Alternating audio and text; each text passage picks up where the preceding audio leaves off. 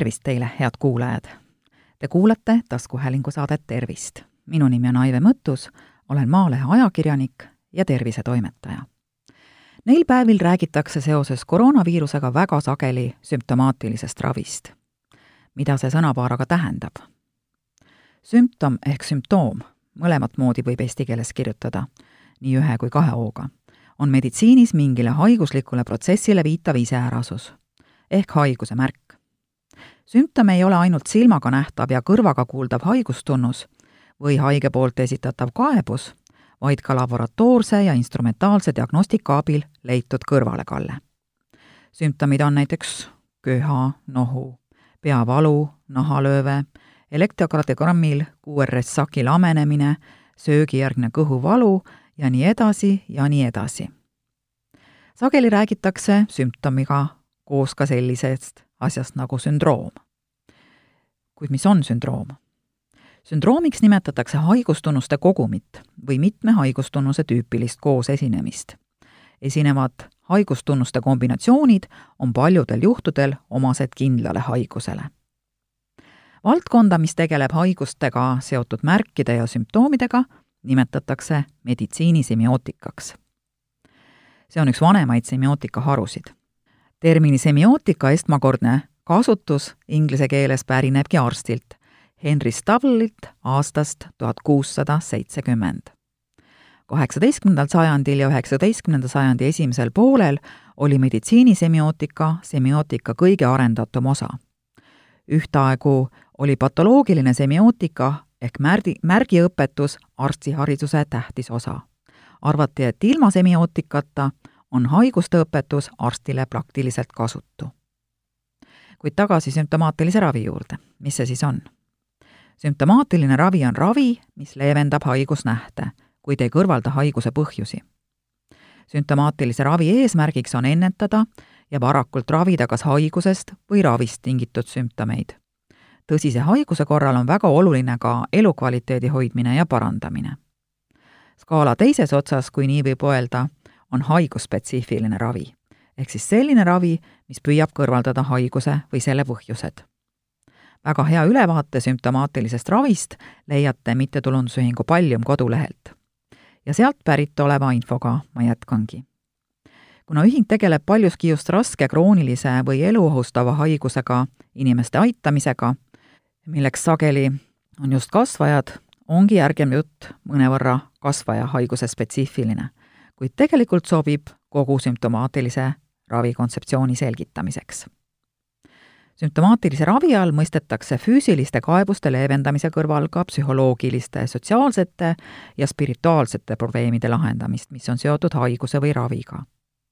sealjuures on sümptomaatiline ravi tähtis juba haigusspetsiifilise ravi ajal ja jätkub pärast haigusvastase ravi lõppu. ka elu lõpus tekkivate vaevuste leevendamine on sümptomaatilise ravi osa sümptomaatiline ravi on meeskonnatöö. siin on roll nii patsiendil kui perekonnal, arstil, õel, sotsiaaltöötajal, psühholoogil, hingehoidjal ning tihti ka näiteks tegevusterapeudil, füsioterapeudil, kogemus- või toitumisnõustajal. sümptomaatilist ravi saab teha nii kodus kui haiglas, olgu ambulatoorses või statsionaarses osakonnas kodus lähedaste hoole all on haigel inimesel tihti turvalisem olla ja elukvaliteetki püsib parem kui haiglas koduõed ja hooldajad saavad teha koduvisiite ning käia lähedastel ja patsiendil abiks. sümptomeid leevendava ravi võimalusi on mitmeid. no võtame näiteks sellise sümptomi nagu õhupuudus. õhupuudustunne või hingamisraskus on sage sümptom, mis võib kaasneda kopsuhaigustega või olla näiteks südamepuudulikkuse, isheemiatõve, rauavaeguse, ärevuse, lihashaiguste või ka rasvumise kaasuvaks tunnuseks. õhupuudus on ka pahaloomulise kasvaja haiguse üheks sümptomiks, enam siis, kui kasvaja on lähtunud kopsust, levinud kopsus või kopsukelmel. õhupuudustunne on subjektiivne asting, et õhku ei jätku. sellega võib kaasneda hingamisraskus ning ebamugavus ja ärevus.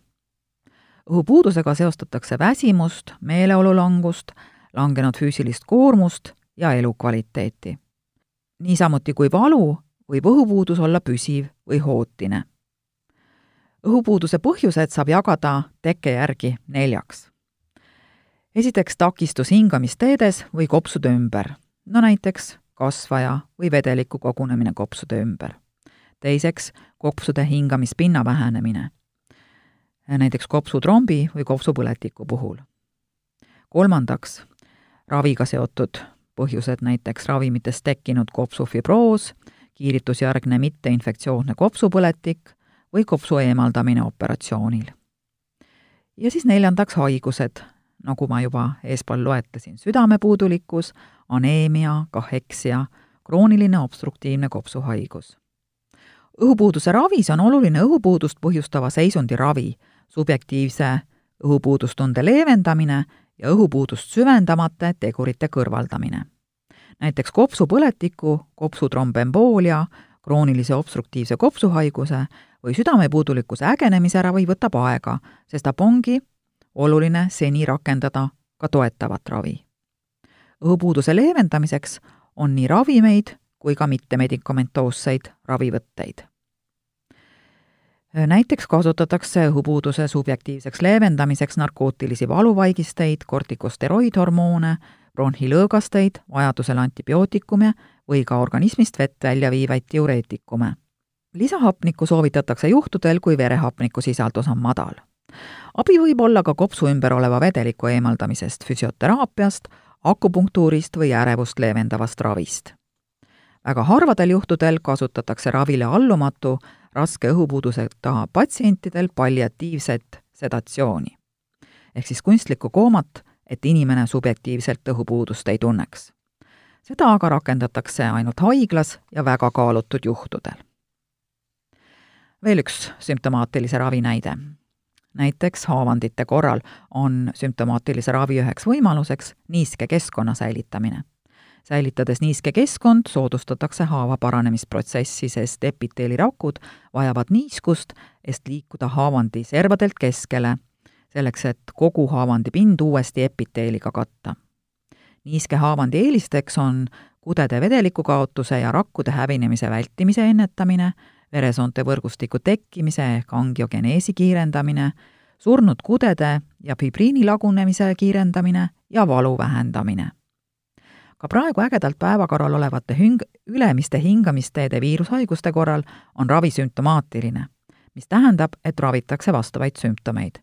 kui tekib nohu, siis kasutatakse kas suu kaudu võetavaid või kohalikke ninasiseseid vahendeid, mille roll on ahendada limaskesta veresooni ja vähendada turset palaviku, pea, lihas- või kurguvalu korral aitavad paratsetamool või ibuprofeen. vajadusel lisatakse raviskeemi rögalahtisteid ja kurguärritust leevendavaid lahuseid, spreisid ja muud sarnast. siinkohal soovitan teil kuulata saateid, milles rääkisin palavikust, nohust ja köhast ehk siis sümptomitest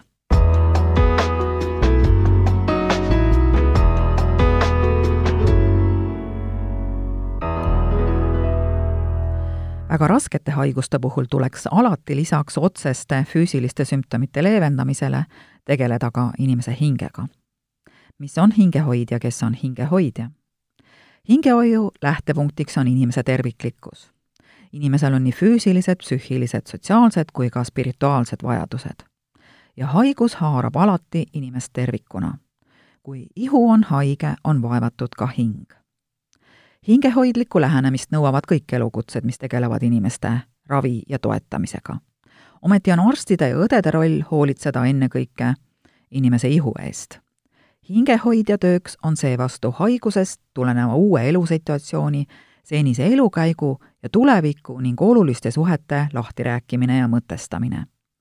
hingehoidja on kannatava inimese ja tema lähedaste kuulaja, kõrvalolija ja toetaja sel kombel aitab ta inimestel toimuvat mõista ja mõtestada ning toime tulla uute ülesannetega, mis ravi kestel kui ka ravi lõppedes inimese ees seisavad. hingehoidja on inimese ja ta lähedaste saatjaks kuni tema lahkumiseni igavikku.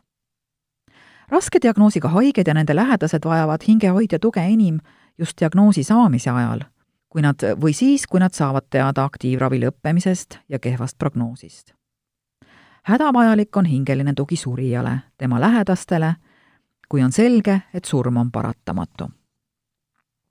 kannatav inimene vajab empaatilist kuulamist ning rahustavat ja kui võimalik, ka lootustandvat suhtlemist. seda saab pakkuda oma kaasinimesele tegelikult igaüks. me kõik saame olla üksteise hingehoidjad.